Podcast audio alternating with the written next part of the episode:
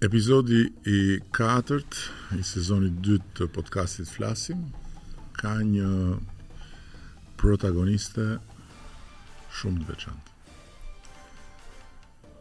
Një emër të cilin sidomos vajzat e djem që ka ndodhur t'i takoj në aktivitete të ndryshme, e kanë dëgjuar hera-herës që ta përmend si një shembull.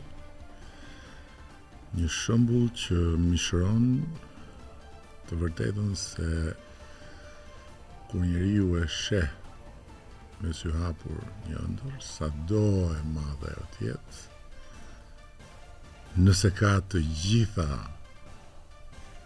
fuqitë e brendshme për ta ndjekur, arrin ta realizojë.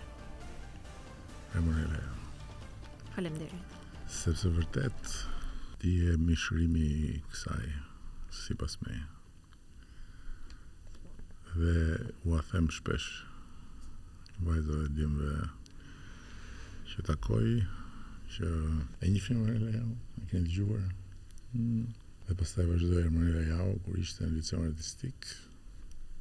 Ishte në grupin e atyre që mësonin kanton, ajo tek e cila të gjithë do vinin bastin më të ndrojtur, sepse askush nuk e shihte si një soprano të ardhshme në skenë.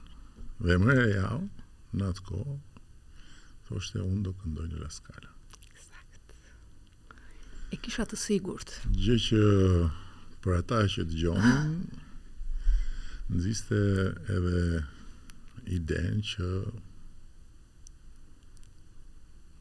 kjo vajza Ka diçka që s'e nuk funksionon. Kjo vajza ishalla s'bëhet për ilaçe. Mirëpo, koha tregoi që ti këndove në La Scala dhe jo në La Scala, po ti i ngjite të gjitha shkallët dhe këndove Dhe vazhdon të këndosh në skenat më prestigjioze të botës. Si bëhet kjo? Si bëhet kjo? Nuk ka formulë, të jemi drejtpërdrejtë, pa bërë shumë histori, formula e vetme është diçka e brendshme. Është është ajo energjia, ajo flaka që secili prej nesh ka kur i vë qëllim vetes. Me një punë të jashtëzakonshme, Sepse dhe ëndrra më e bukur dhe ajo që duket diçka e jashtëzakonshme, le të themi, ka do do një punë shumë shumë të madhe, sepse po të kapeshin ëndrrat, kaq kollaj nuk do kishin këtë magji. Unë e kam dashur jashtë mase, ndoshta me kalimin e kohës kam kuptuar që këndimi ka qenë kanalizimi ku unë kanalizoja ato ndjenjat e mia të thëna, të pathëna ku fantazia fluturon dhe nuk ka limit. Dhe të jem shumë e sinqertë, tani po e them, unë kam mbajtur një ditar. Një ditar si do doja unë kur të, domethënë ajo ëndrra që që fillonte diku, pikërisht këtu që në Pallatin e Pionerëve etj etj etj dhe deri që një ditë do doja të këndoja Traviatën, le të themi në La Scala, Otello, Desdemonën nga Otello etj etj në të gjitha teatrot e botës. Një lloj çmendurie, po ishte kjo fantazia që i kisha bërë në një listë, do arrij këtu, do bëj këtë, do bëj atë etj. Edhe e kam sot e kësaj dite këtë ditar. Dhe realiteti tjetër, kur shkoja në lice, siç e përmendët edhe ju, ë kishte një lloj pabesueshmërie, i vetmi që më besonte ishte im vlla dhe babi, që ndoshta nga që donte që unë të fluturoja me ëndrrat e mia të mos ndalonte thjesht tek ajo tek ato gjërat që ishin pak të kufizuara, që mund të them që sot të rinjtë e kanë mundësitë, për shembull të të studioje të kishe një klasë me pianoforte.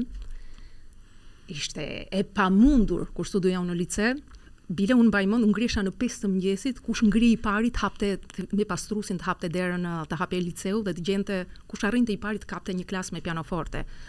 Ose ndonjëherë kur dera ishte e mbyllur, hipja nga penxherja. Një dy herë kam grisur pantallonat. Po ishte ajo dëshira e madhe, është nuk ka nuk ka asgjë që të ndalon, sepse e doja, ishte një nevojë shpirtërore. Ky ishte realiteti që prekja me dorë dhe realitet i bukur, ajo fantazia, ajo energjia që unë po e shikoja, po e vizatoja, isha bërë një pro, po projektoja ku doja të arrija. Duke u kthyer tani e lexoj është ky është një notebook që janë bërë ato faqet sikur ka sikur është një ka një ka një histori shekullore, por është sepse është shkruajtur në çdo lloj momenti, kur kam qarë, kur kam qenë e trishtuar, apo e gëzuar, apo kam qenë me bukë në dorë që kam shkruajtur. Dhe kur e lexoj tani, prekem, po dhe jam shumë krenare, sepse të gjitha, sikur është kthyer është ajo bota, tani e kthyer nga ana tjetër, të gjitha ato gjëra që kisha shkruajtur, në fantazi e sipër, të gjitha i kam kapur, E them këtë jo për të treguar ç'kam bërë, por është edhe një mesazh të cilën unë po ua them studentëve tani, sepse jam duke bërë një workshop të katërtin, që asgjë nuk është e pamundur. Ëndrrat në momentin që ti i sheh me sy mbyllur dhe me sy hapur, Ti e sheh në fund të tunelit. Ato me sy mbyllur kur je duke fjetur edhe të çojnë në drejtime të gabuara.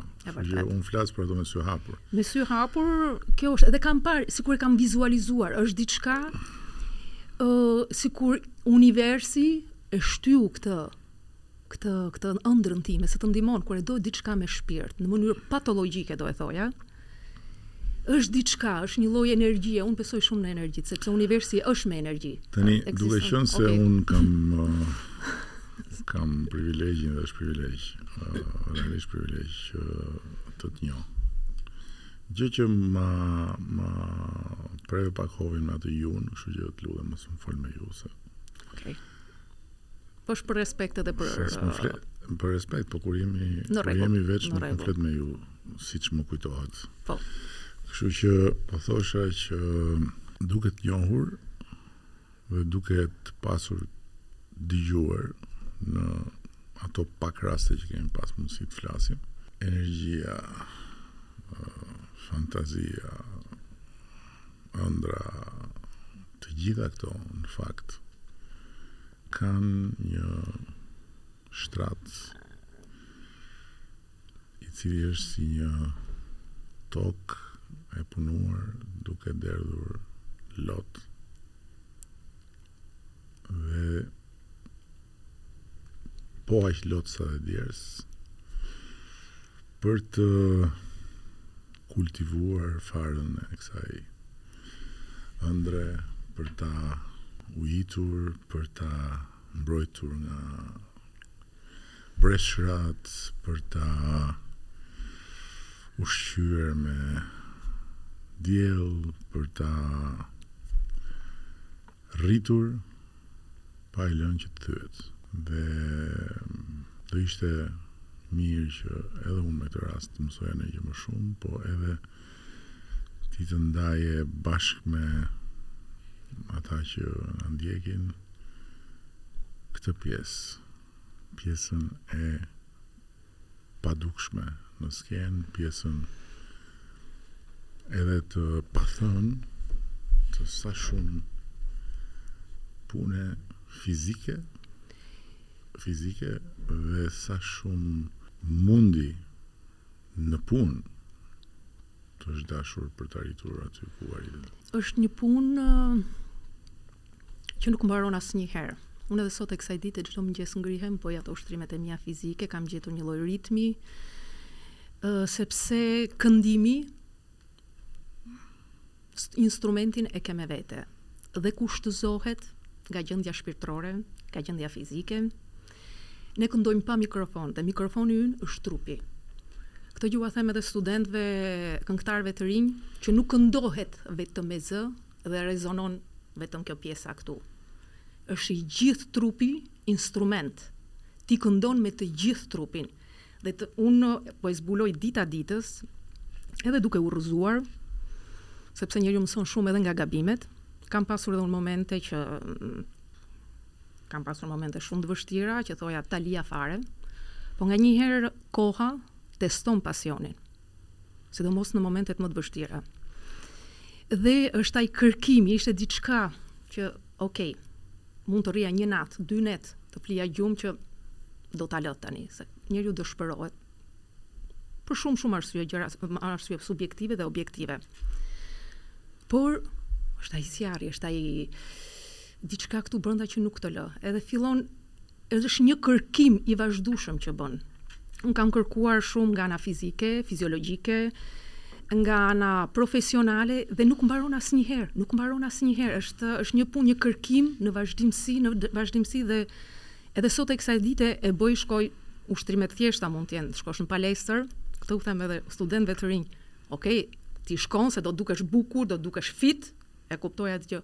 Po mendoje që gjë e parë do të do të shërbejë ty nga ana teknike, do përmirësohesh ti nga ana teknike dhe ju shpjegoj domethënë mënyrat se si duhet punojnë me fizikun për të ndihmuar edhe këtë anën teknike që ti këndon pa mikrofon, mund të të japësh çdo lloj ekspresioni edhe një të qarë, një të qeshur nëpërmjet zërit, Po është gjithë trupi që e mbështet. Ky është mikrofoni yt, gjithë trupi, sepse këndimi është edhe diçka shumë emotive, shpirtërore dhe çdo lëvizje e trupit që ne bëjmë ka një domethënie.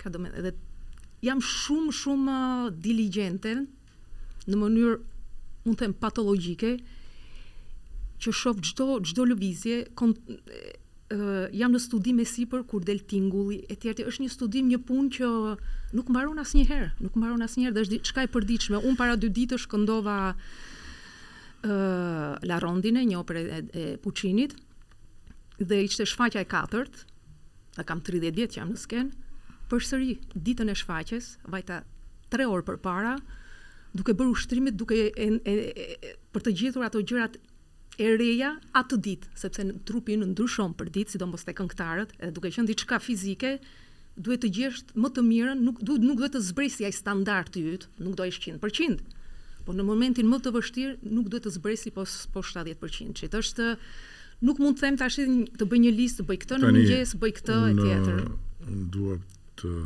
shkojmë pak më konkretisht. Okej. Okay. Për shembull, ti më ke çuar një herë, nuk më kujtohet shumë kohë përpara, një video duke bërë boks.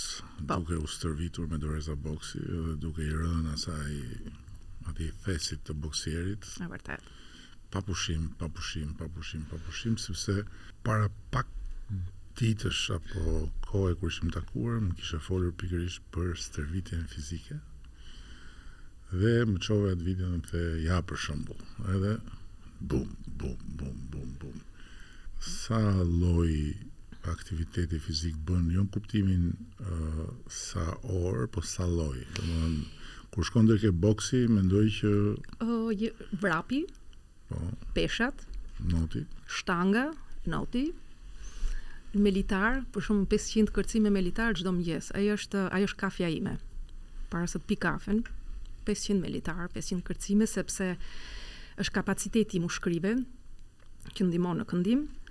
ë dhe rrit atë staminën, sepse je atlet. Sidomos sot, opera ka rritur, ka vajtur në një direksion tjetër. Ti je një atlet. Duhet të jesh një aktor.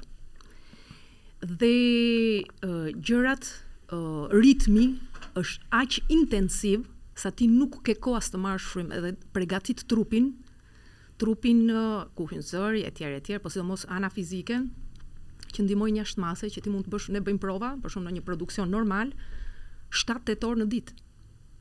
shtatë tetë orë në ditë, po të qëndrosh gjithmonë të kesh gjithmonë këtë këtë adrenalinën, se nuk thuhet nuk është që bën bën 3 4 5 6 orë prova e thua hajde mos e po këndoj një çik po po këndoj më piano këtu je në adrenalinë e sipër për 6 7 orë dhe këtë vetëm kjo stërvitja fizike Edhe pikërisht fillon mëngjesi fillon me me 500 kërcime me litar, pastaj me pesha, fillon e bën këto squats, kur je kur gjen një palestër afër mm, teatrit apo afër uh, apartamentit që ke marrë në atë periudhë ku do këndosh, në palestër me shtanga, kështu që edhe më pas kur fillon dhe këndon e ndjen ndjen diferencën, se fillon ndjen gjithë muskujt e trupit ose mbi topin e, që ju them studentëve, mbi topin e, e jogës, pa u mbështetur në asnjë vend, thjesht duke ndetur në ekuilibër, ti do mbështesesh 100%, ndryshe bie nga topi.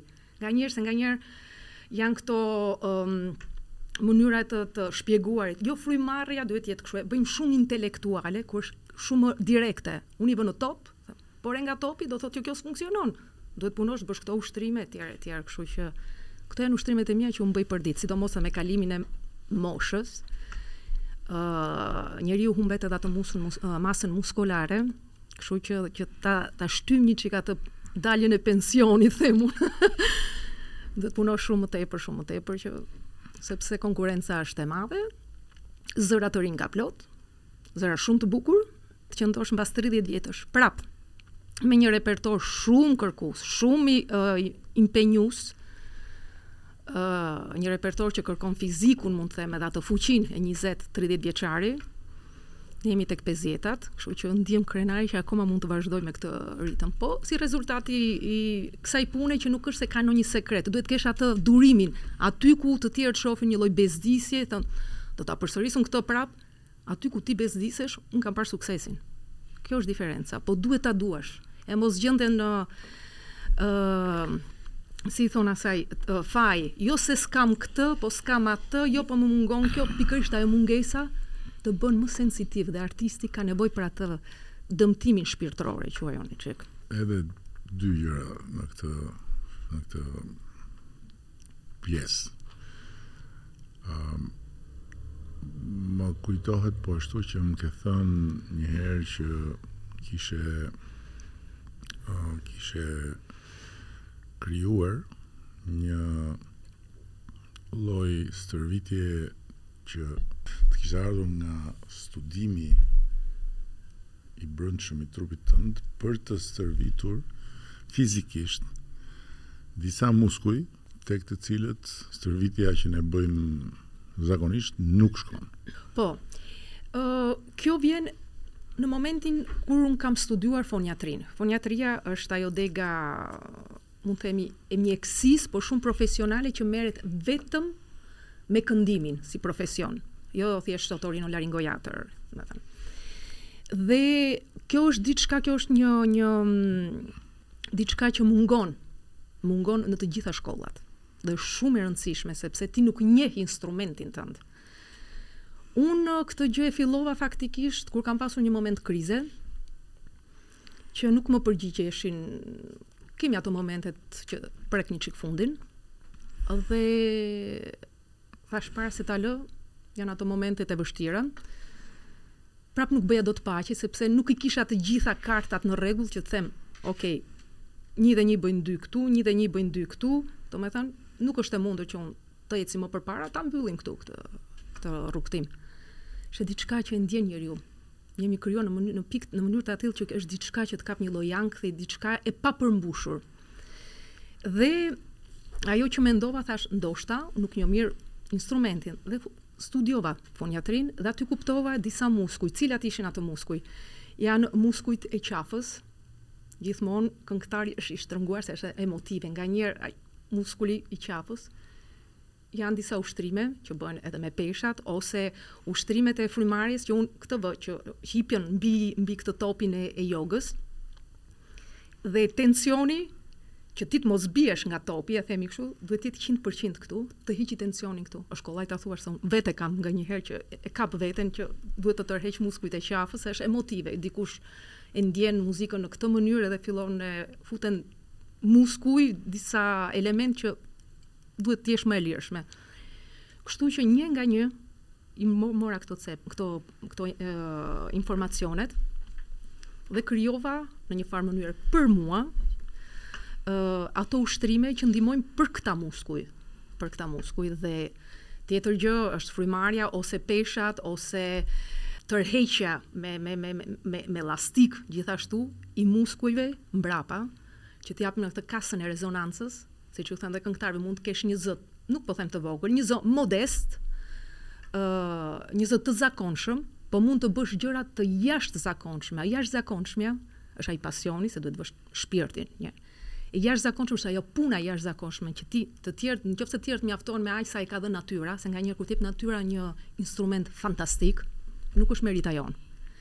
Po vihesh në gjumë se thua kam zërin e bukur etj. Momentin kur ke disa gjëra që Diçka modeste, normale, të zakonshme, e jashtëzakonshme është ai pasioni dhe ajo puna e përditshme që i jep tingullit atë diçka modeste që ti e ke, i jep një një diçka gjigante, diçka magjike, sepse është e gjithë energjia e trupit. Edhe këto janë këto ushtrimet. Faktikisht unë edhe studentëve nganjëherë u dërgoj këto videot që jam duke hipur vetë tek mbi top apo kur kërcen tek e keni parasysh ato kubin ai kubi që mund të jetë varet nga lartësia që provon sa më lart se dua të tregoj prit tash se bëhet kështu që tregoj shembull po dua ta bëj unë vetë se është kollaj kjo është edhe një gjë që më pëlqen shumë e pedagogjisë që kam filluar dhe po e vazhdoj sepse jam akoma në gjendje që ta bëj unë e para dhe në momentin që ti e transmeton se është kollaj të thuash do ta bësh këtë Mund të flasësh me fjalë të bukura, po kur e shohin që e bën ti që je dyfish i moshës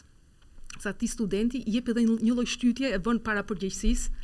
Kështu që janë këto ushtrimet, le të themi, që kanë funksionuar për mua nga ana teknike, që më mbajnë akoma në formë, le të themi. Dhe shoh që ju shërben edhe edhe këngëtarëve këngëtarëve të rinj. Dhe ata që e kanë bërë kanë dalë po i shoh, po shoh një rrugëtim që po shohin atë dritën në fund të tunelit. E dyta që që kisha për të vazhduar është kjo puna e moshës se po e përsërit disa herë, por ë, më korrigjon nëse gaboj. Më kujtohet që të kam pyetur një herë, thash po mirë më dakord ti arrite të gjitha. Ti u ngjite në të gjitha skenat, ti more të gjitha ovacionet, në të gjitha pasqyrat e informacionit apo të kritikës së muzikës operistike i pushtove të gjitha faqet e para çfarë mbetet ta arrish përveçse të vazhdosh të përsërisësh dhe ti më the kam një kam një objektiv the timin personal që të jem këngëtarja më jetëgjatë në atë nivel. Jemi aty, e kemi arritur apo kemi dhe një çikë? Edhe pak, edhe pak. Kush po... ka qënë përpara? Ëh, përpara kush ka qenë? Ka qenë Edita Gruberova, një këngëtare koloratur, një zë më lexher, më më më i hollë, dua të përdor një terminologji shqip. Ë një soprano tjetër, Mariella Devia. Kështu që por në një repertor të caktuar. Unë këtë që po bëj, Po përpiqem. Repertori im është shumë ka një gamë ngjyrash që nuk është thjesht në një direksion që ok, më karakterizon ky lloj repertori këtij kompozitorit disa në një drejtim teknik dhe i qëndron besnik atij. Unë kam filluar Po, po notoj në të gjitha, në të gjitha, në një repertor me një gamë më të gjerë, dhe deri tani jemi në rrugë të mirë, por atij qëllimi personal i shtoj edhe dy qëllime të tjera, se njeriu mësohet nuk kënaqet me pak pastaj do gjithmonë më shumë e më shumë. Më shumë, sidomos ti. Po. Qëllimi tjetër është që sa herë ngjitem në skenë, nuk dua të jetë mbas tridhjetë vjetësh, ku thonë nuk dua të jetë thjesht një një performancë e bukur me standing ovation etj etj etj, po dua të jetë një rrugëtim shpirtëror. Sepse janë ndjenjat humane universale të çojnë në një dimension tjetër që zbulon një botë tjetër të të shpirtit human që kalon është mbi notat, mbi atë suksesin e madh, mbi Ka një lloj magjie që bëhet nganjëherë bëhet edhe një lloj droge, sepse kërkon atë gjithmonë, nuk është se do ta kapësh gjithmonë, se varet edhe nga nga loja e skuadrës, e skuadrës, sepse bëhet ka atë efektin magjik kur të gjithë kemi atë hapje mendore dhe shpirtërore për të vajtur në atë direksion. Të jetë një udhëtim, një udhëtim shpirtëror dhe e treta, por jo e fundit, që të jem akoma në gjendje të jap eksperiencën time si detyrim shpirtëror dhe patriotik dhe nuk janë thjesht fjalë të bukura për brezin e ri, sepse duhet të japësh atë çfarë ke. Dhe atë që kam unë është eksperienca. Edhe më pëlqen jashtë mase, edhe këtë e kam marrë me shumë shpirt, me shumë zemër, sepse shoh veten time te këta studentë, i shoh ndonjëherë pak apatikë, me zëra të bukur, por është një detyrim i imi atë që arrita unë, nga ajo nga shumë mundësi që nuk i kishim më përpara dhe tani i kemi më tepër dhe t'ju zgjosh atë atë zjarrin që e kanë një çik të, është bërë prush aty po ta ta ta ndezësh. Kështu që janë shtuar këto dy gjëra tjera dhe ndjej po shoh rezultate. Tani më, më solle në pjesën tjetër ë uh, sepse është shumë e rëndësishme kjo pjesë, besoj unë në ngjitjen tënde që Ka të bëjë me faktin se ti shkove në liceun artistik po. nga një familje shumë e zakonshme në sensin e mirë të fjalës. Familje ushtarakësh, intelektuale ushtarakësh. Në sensin e mirë të fjalës, pra jo një familje me ndonjë si të thuash, akses, jo ndonjë familje me Ndonjë lidhje me këtë gjë? Jo ndonjë familje ndryshe nga çdo familje shumë e zakonshme e asaj periudhe aq të vështirë ku varfëria ishte status i përgjithshëm, nuk ishte një status i një kategorie të caktuar. Dhe nga ana tjetër gjithë kjo ëndrra jote kishte praktikisht vetëm ty dhe mbështetjen e familjes, po mbështetja e familjes një mbështetje që goca të bëjë atë që dëshiron dhe dhëntë Zoti t'ia dali, po jo më shumë se kaq. Më kanë mbështetur shumë, domethënë nga ana psikologjike, absolutisht. Ndërkohë që Mundësitë ishin komplet të kufizuara qoftë në shtëpi, qoftë në shkollë, qoftë në jetën e përditshme të vendit atëherë. Dhe sot unë vë re në punën time vazhdimisht diçka shumë interesante që fëmijët ose nxënësit e pastaj edhe studentët që shkëlqejnë në një pjesë të konsiderueshme vijnë nga vështirësia, nuk vijnë nga rehatia.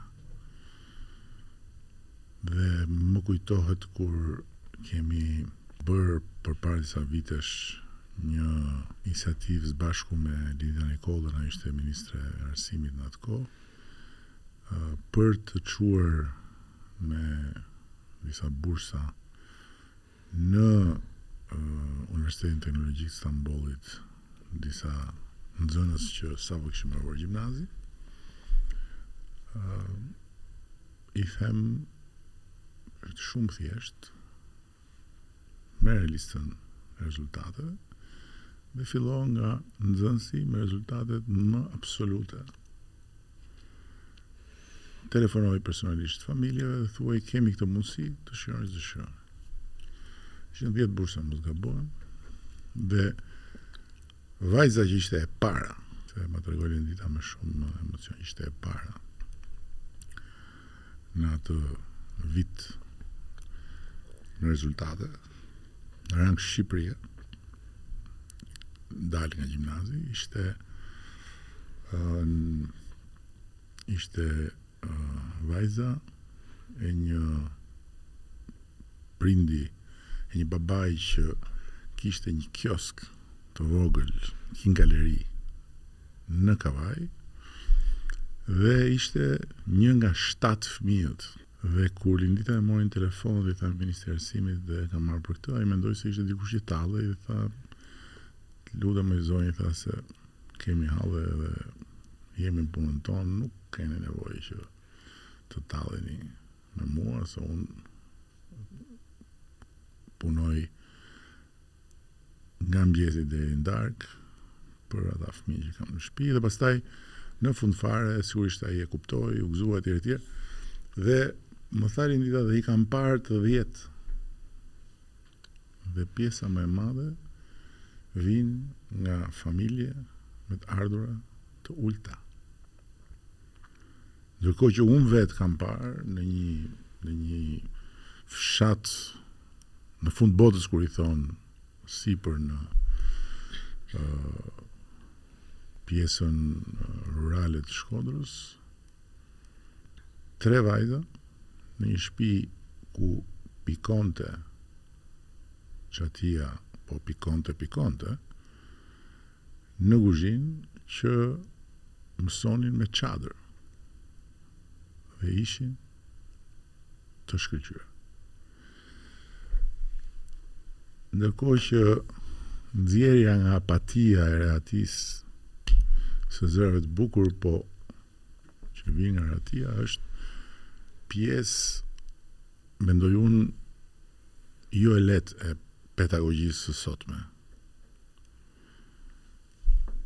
Dhe për të mos u zgjatur se mbase u zgjata pak, shembulli yt është një shembull shumë rrezatues dhe shumë frymëzues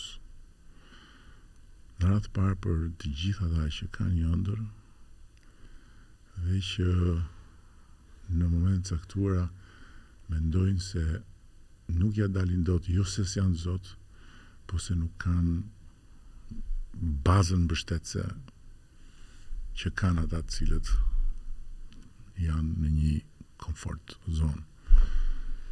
Dhe shembulli jot është tregues për të gjithë këta Fëmijë për këto vajza për këta djem që jo jo dhe unë un, un e shoh vazhdimisht tek nxënësit e mirë te nxënësit shumë të mirë që midis tyre ka nxënës plot që vijnë nga situata familjare jo të lehta dhe do ta kishin më të lehtë se të gjithë të tjerët të gjenin justifikim të thoshin jo mungon kjo mungon kjo mungon kjo mirë po Tek mungesa është edhe dobësia, po është edhe burimi i forcës. Dhe burimi i forcës. Është shumë e vërtetë. Është shumë e vërtetë. Unë të njëjtën gjë është shumë interesante. Të njëjtën gjë kam menduar në fillim kur i ka se unë lash uh, kam ikur në Itali 18 vjeç dhe mm, me veten time thoja gjithmonë, po pse vi nga Shqipëria unë kur shoh moshatarët e mi që kanë këtë, këtë, këtë, unë s'kam. Tani them ka qenë duhet të ishte ai rrugëtim sepse kupton edhe vlerën edhe ke atë stimulin kur të mungon diçka nëqoftëse e do me gjithë mend edhe punon drejt asaj ajo mungesa është si e puna e krimbit që të shtyn e të shtyn e të shtyn si për ta arritur nëqoftëse me gjithë mend e do se jo të gjithë duhet të duhet të bëhen artistë. ose të gjithë duhet të bëhen mjek apo kështu që sot e kësaj dite them duhej ai rrugëtim sepse ato privacione të japin një një ë uh, diçka më tepër, të japin një një një arsye më tepër për të arritur diçka që që ti do. Dhe ky është edhe ai detyrimi im shpirtëror, duke folur për studentat. Ti shkove në Itali, fitove një konkurs? Unë fitova faktikisht një masterclass të Katja Ricciarellit në 93-shin dhe më pas uh, ajo premtoi që do na mbante, sepse unë i thashë dua të studioj, e kam ëndërr belcanto, italiano etj etj. Mbas dy tre muajsh na më abandonoi, më la, dhe më u ktheve në Shqipëri, jo, sepse kishte disa gjëra të saj, të saj personale që doli nga fjala për shumë gjëra, po duke marrë dhe jetën e këtyre studentëve mbi krah.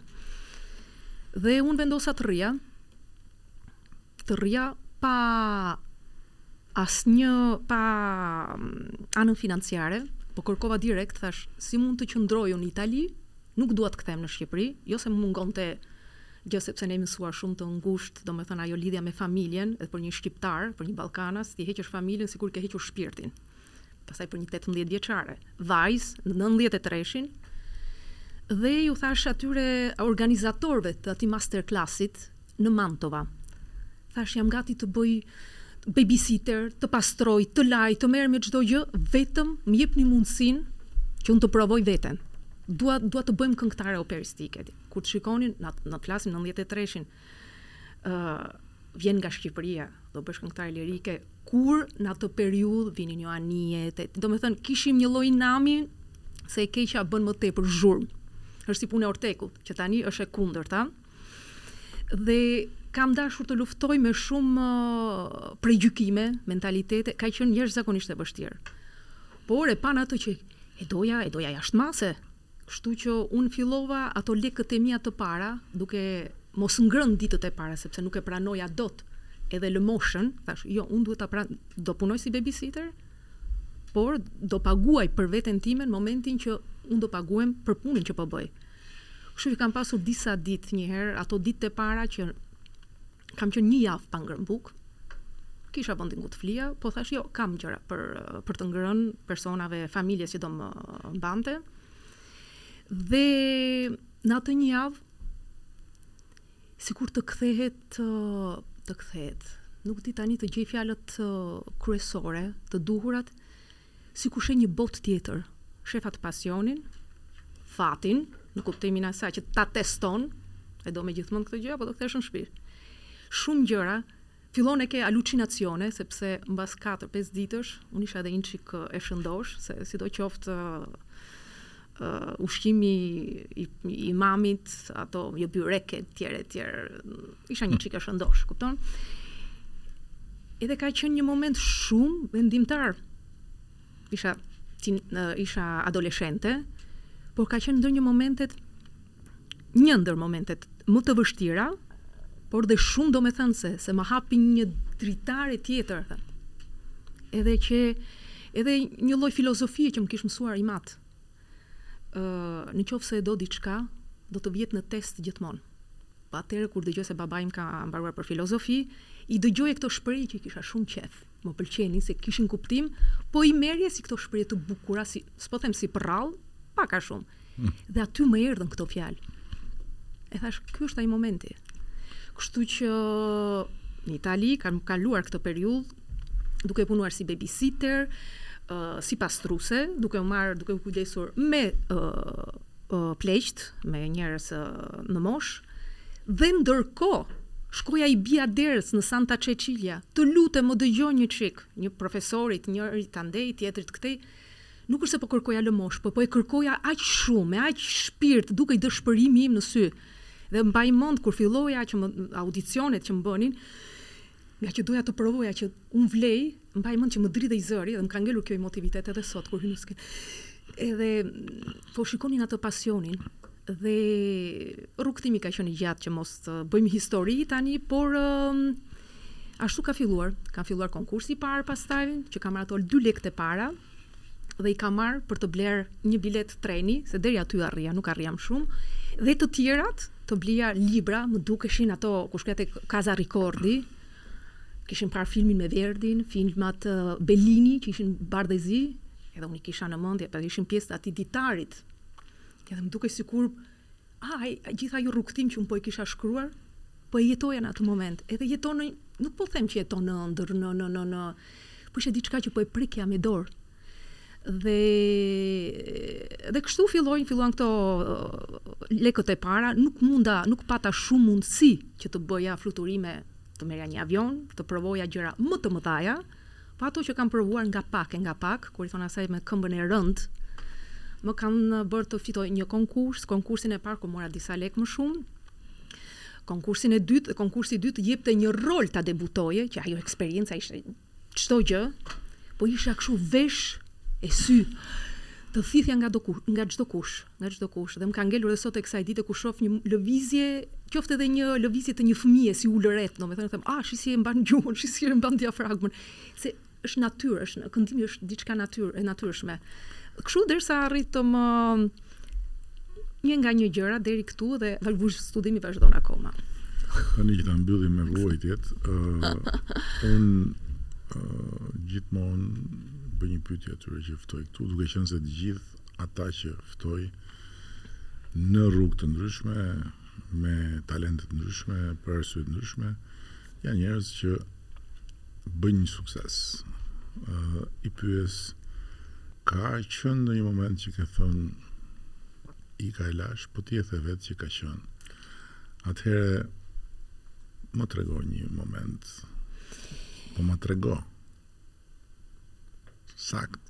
Si ka qenë një moment për shembull kur ke qenë e dëshpëruar dhe nga çat ka ardhur dhe ke menduar ik se nuk merrem me këtë punë? Kanë qenë dy momente ndër disa prej tyre, po dy kryesoret, një mbaj mend kam qenë njëzet e pesë njëzet e gjashtë vjeç, nga që doja të këndoja, të këndoja, të këndoja, kisha pasur mundësitë, çdo kontratë që vinte e merrja, se doja të provoja veten, qoftë edhe nga ana financiare, të bëja jetesën. Dhe vajta me një shpejtësi aq të madhe, sa vajta kundra natyrës sime dhe në një pata një moment që nuk këndoja më. Nuk nuk funksiononte, nuk s'kishte më funksion, nuk arrija dot të këndoja një tingull. Dhe mbaj mend kam vajtur tek një nga këta foniatrët që e mbanin më të mirët në Itali. Pa i thënë kush isha, se kisha apo s'kisha, se kisha, kam filluar shumë herët karrierën. Dhe gjëja e parë që më tha, tha, sa vjeç je ti? Tha, 25 i thashë unë. Tha, ma je në kohë, tha, kordat e tua vokale, tha, me këto korda, tha, ti s'ke për t'u bërë ndonjëherë këngëtare. Mua sikur më ra pika. Okej, okay, s'ke për t'u bërë ndonjëherë këngëtare, je akoma në kohë, ndrysho drejtim dhe vazhdo për diçka tjetër. Ky ka qenë një moment që ka qenë që më ka zhytur jashtë mase, poshtë. Ai ka qenë momenti që prap Është një zë i brendshëm, është diçka që nuk nuk më bindi 100%. Jemi të qartë për zërin e brendshëm. Pastaj Okej. Okay. Okej, okay. kështu që fillova studiova foniatrinë etj etj ato që thashë më përpara. Hera tjetër ka qenë kur isha në karrierë dhe isha një e ftuar kryesore në Japoni. ë uh, me Royal Opera House, jo Euro News, jo CNN, ishte diçka shumë e madhe. Dhe Royal Opera House prezantoi me mua me Traviatën. Në atë periudhë kisha humbur nënën dhe nuk e nuk e thashë askujt. Thashë, ky është problemi im, nuk doja mëshirën, a e shkreta këtë. Ishte biznesi im. Po kur humbet një prind, është diçka që ti nuk e kontrollon dot. Është një një dhimbje, një që nuk e di ku do të shpërthejë. S'kisha qarë, isha komplet Edhe nuk jam person i pandje, që nuk ndjej, nuk jam sensitiv, por çuditërisht isha e mpirë, se nuk e prisja, se nëna më iku shumë herët, pa mbushur pesëdhjetë e tetë vjeçare. Dhe mbaj mend kam hipur në skenë për Traviatën, fillova aktin gjatë uh, vokalizave, çdo gjë ishte great, Ishte në rregull, hyj në skenë gjithë qejf, duke kënduar ato fjalët, se është janë gjithmonë histori të trishtuara etj etj. Edhe më kapi më kapi një ndjenjë një dhimbje, një ndjenjë boshliku që më iku komplet Më iku komplet ai koncentrimi e s'po këndoja dot. Po këndoja salla plot 5000 veta. Është është një ndër sallat më të mëdha në Japoni, kisha gjithë kamerat. Trupa diplomatik ishte thash ky është fundi i karrierës time. Po këtë e thash më vonë. Por ja, s'po këndoja dot, s'më vinin fjalët. Dirigjenti thoshte e lëmë këtu, Ishte diçka që nuk ia jep, nuk ia nuk ia nuk ia lejoja dot vetes se kam kënduar edhe sëmurë, mjafton ti të arrish të flasësh një çik, me teknikë arrin edhe këndon, edhe kur je i sëmurë. Vetëm nëse ke laringjit, tjetër gjë. Ndjesha aq me turp sikur kish më ishte përmbysur bota, që sa më kishte kushtuar të prezantoja unë Royal Opera House në Japoni, me të gjitha televizionet e botës, me të gjithë mediat, trupa diplomatik, edhe unë po prezantosha si shqiptare. Mbylla aktin e parë, siç bëjnë edhe Arrigato, kërkova ndjesë, dola dhe thash, karriera ime mbaroi këtu. Ka qenë një moment që nuk e doja më veten. Edhe ky ka qenë një moment. Po ndërpre, u ndërpre shfaqja? Jo, sepse kisha uh, zëvendësuesen dhe dirigjenti tha, do ta provosh? Jo, i thash, unë shfaqja duhet të vazhdojë. Të dalë zëvendësuesja, i dhash bekimin tim, e kam puthur në ballë, siç më puthte mami mua. Dhe i thash, vazhdo, po e mbaj mend, m'u duk sikur bota m'u err, sikur asnjeri s'më fliste më, sikur gjithë ma bënin me gisht. Ja. Ju, kaq ishte karriera jote. Dhe të njëjtën opera, ka qenë Traviata, jam kthyer në Japoni tani në qershor. Mediat shkruajtën se është normale. Që tani, erdhi kjo që s'këndon. S'këndon, për shembull, exact. Por uh, u ktheva tani, edhe është Traviata ime 310. Thashë do kthehem se duhet të bëj paqe. Asnjëherë s'kisha pranuar mbas atij episodi. ofertat nga Japonia, sepse është diçka që ishte një lloj memorie që të zgjohej në atë moment. Dhe kam vajtur, kam bërë Traviatën përsëri tani në qershor. Dhe u kthye gjitha, e mbanin mend edhe ata dhe ka qenë shumë sukses i madh dhe thash, ok, bëmë paqe edhe me këtë. U u, u mbush edhe ai boshllëku, kështu që këto kanë qenë dy ndër momentet tani. Tani Edhe për ta mbyllur këtë pjesë, ë ndërkohë ke pasur satisfaksione të jashtëzakonshme. Absolutisht po. Po cili ka qenë satisfaksioni yt i parë i madh? Domethënë kur ka qenë momenti kur je ndjerë në e hipur në supet e ëndrrës tënde. E këtu Unë Arida. Mm, ka qenë uh, Traviata, përsëri që Traviata ëndrra ime filloi këtu ku shikoja, kam parë herën e parë, për herë të parë Traviatën në Teatrin e Operës dhe Baletit, ku filloi ëndrra ime. Traviata në Royal Opera House, ku një divë ruse anulloi shfaqjen në, në Londër. Londër. Në Londër anulloi shfaqjen, ishte sold out. Flasim këtu e para 15 vjetësh, 17 vjetësh, 20 vjetësh, nuk e mbaj mend tani se koha dhe kishte kaq interes të mediave, sepse edhe për figurën e personit, e koleges time, Dhe teatri po merrte në telefon kush do vijë të këndojë. Dhe të gjitha kishin frikë, sepse je aq exposed që mund të ishte një sukses, po mund t'i mbyllte dyert përgjithmonë se të dëgjuan edhe mbahet mend e keqja. Ai ajo performanca jote e dobët. E mira duhet të bësh dhjetë të mira që të të harrohet ajo e dobëta.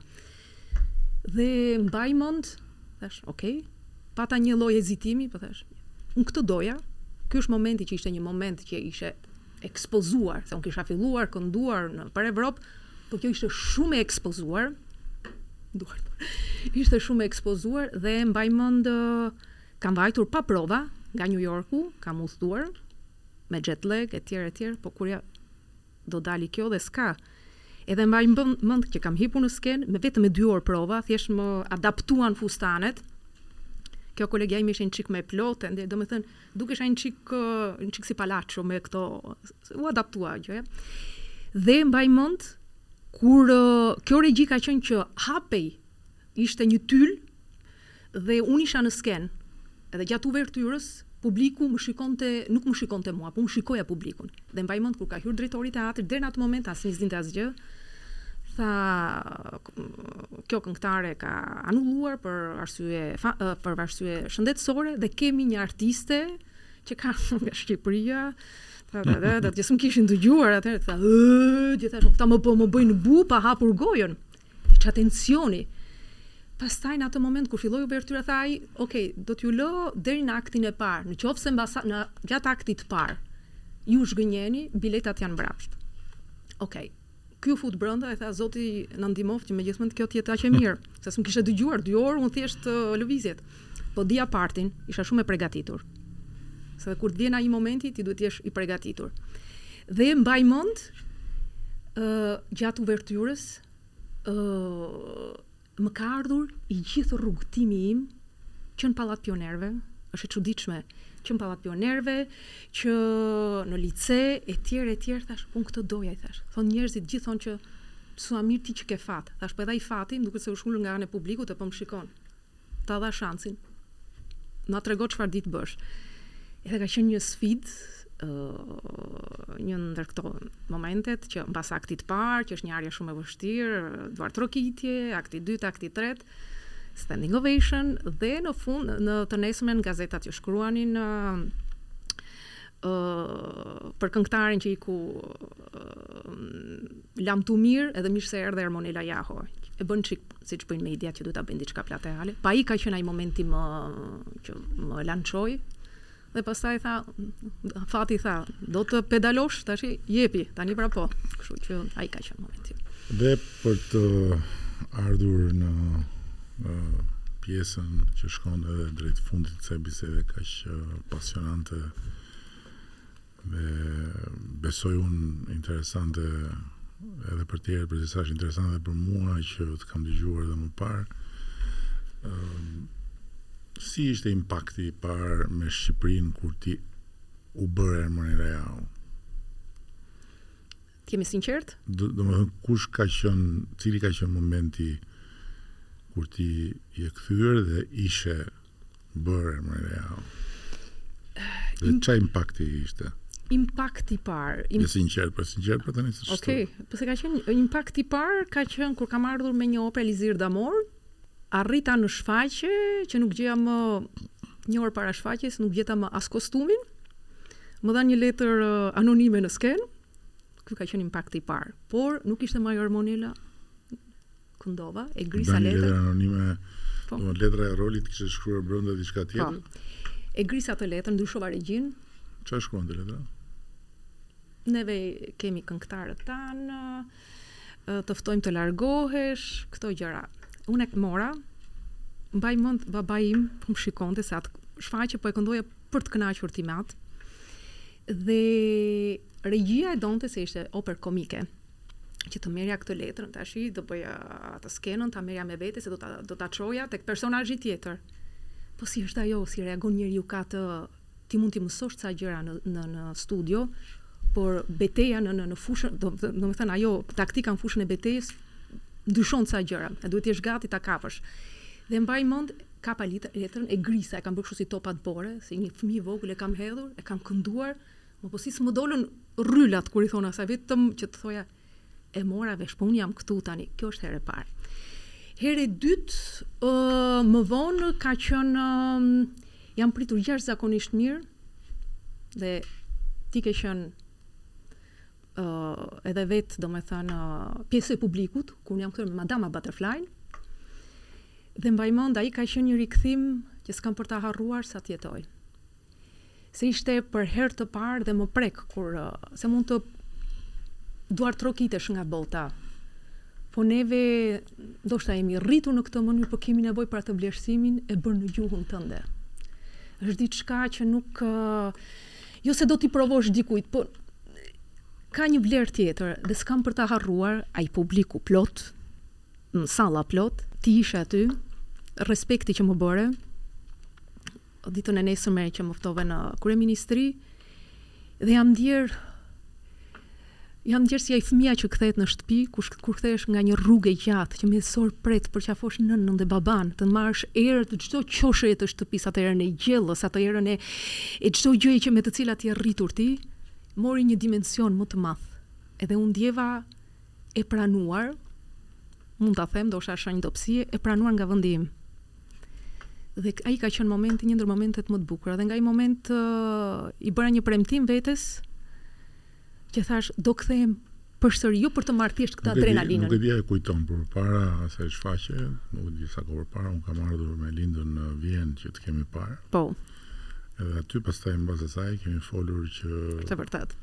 Duhet të vish etj etj. Dhe mbas asaj shfaqje, më ke thënë në fund fare si një këtu, kur erdhe këtu që u takuam n'kryeministri, kur dolëm, më ke thënë diçka pak a shumë që E vërtetë.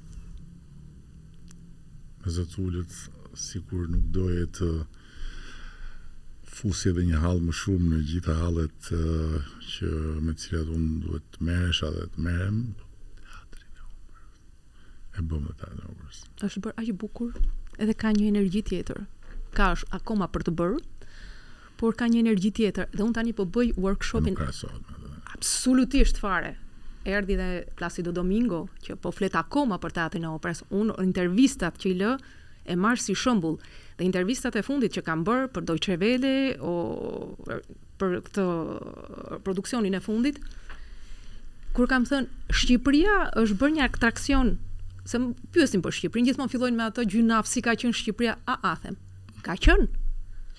Po shikoni, domethënë, këtë vit është bërë një atraksion, jo vetëm këtë vit, po kjo ka qenë një boom turistik.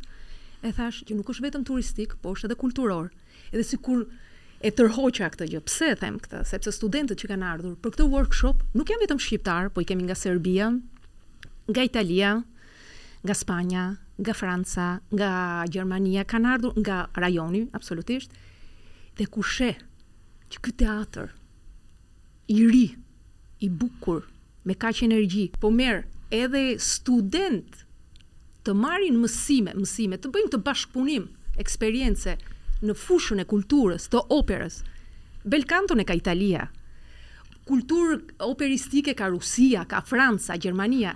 Ne kemi, po e kemi të lokalizuar, duhet të jemi të sinqertë për këtë gjë. Dhe këto vende vijnë tek ne Mendoj që kemi bërë të gjithë pa përjashtim, kemi bërë një gjë shumë të mirë dhe kjo është ajo ai zjarri i pozitivitetit se bëhet si ortek, si lajmet negative, po edhe këto gjërat e bukura që mund duken të vogla përpara problemeve të mëdhaja, po kanë diçka kanë një gjë pozitive dhe të bën të ndihesh krenar. Jo thjesht krenar për këtë të thuash fjalën krenar se tingëllon bukur në shqip, se është bërë një lloj inflacioni të folurit bukur, Jo moj është diçka konkrete. Kështu që edhe po e përjetoj tani. Dhe nuk mund ta mbyll të tërën tani pa prekur edhe një aspekt tjetër që është pra pjesë e besoj unë sakrificës dhe e një mohimi që njeriu kur shkon pas ëndrrës tij ose të saj detyrohet ta bëjë që është jeta jashtë profesionit, jeta jashtë fushës betejës, jeta në shtëpi, jeta familjare. Ti duket sikur edhe burrin e zgjodhe në funksion të ëndrës, sepse e zgjodhe që kur ishe e vogël dhe ishte i vogël, i the që po të martohem ndonjëherë me ty do martohem, e ke si një, si një roje besnike të ëndrës tënde, mirëpo sa ndihesh fajtore për pjesën që nuk ja kushton dot familjes. Por e ke një tast. Aty, ndjenja e fajit është është diçka që është me mua. Jo vetëm në drejtim të tij se ne flasim gjithmonë. Jo, pa ti vetë po flas. Po, po, po. Por për familjen, për prindrit që nuk arrita dot Këtë ja kam këtë ndjenjën e fajit që thashë të kisha të kisha fluturuar më shpejt që të më shikonin në këtë pikë që kam arritur, fatkeqësisht nuk i kam të dy prindrit. Dhe ja kisha këtë frikë. Kur kam lënë Shqipërinë, qaja gjatë natës e thoja po sikur mos arrij dot sa të jenë këta gjallë. Nuk e di pse. Ndieja këtë lloj edhe ndodhi. Ndodhi dhe e kam ajo ndjenjë e fajit është, është diçka që nuk e heq dot, është me mua gjithë kohës, por nuk mund të kesh gjithçka. Dhe në një farë mënyre e marr si një lloj, do të tingëllojë pak si e çuditshme. Prekem akoma, qaj akoma, pishmanllik që kam në drejtim të familjes, jo të zanatit, dhe ngjyej zërin Në këto ngjyrat e shpirtit të torturuar, të ndjenjës së fajit, që është absurde, paradoksale ndoshta, po bën edhe artistin që unë jam sot, sepse janë ajo e qara, e gëzuara në skenë, është një lloj terapie, sepse është e vërtetë. Kupton edhe ajo do mbetet me mua, është diçka që nuk e kam gjetur akoma recetën. Mendoj uh, Këndimi është terapia më e mirë, ndoshta. Vetëm këtë gjë mund të them. Dhe kërkojnë ju kërkoj ndjesë familjes e që njerëzve të mi të dashur që s'arrij dot t'ju qëndroj pranë, po doja të isha të isha superwoman, po nuk jam. Kështu që i dua dhe i falenderoj për mbështetjen që më kanë dhënë të gjithë pa përjashtim, edhe për prindërit aty ku janë. Kjo ishte diva jonë e me Majan. Mishërimi i të vërtetës se kush e sheh një ëndërr me sy hapur, sado e madhe që të jetë, nëse ka forcën ta ndjekë, sado që kjo të kushtojë,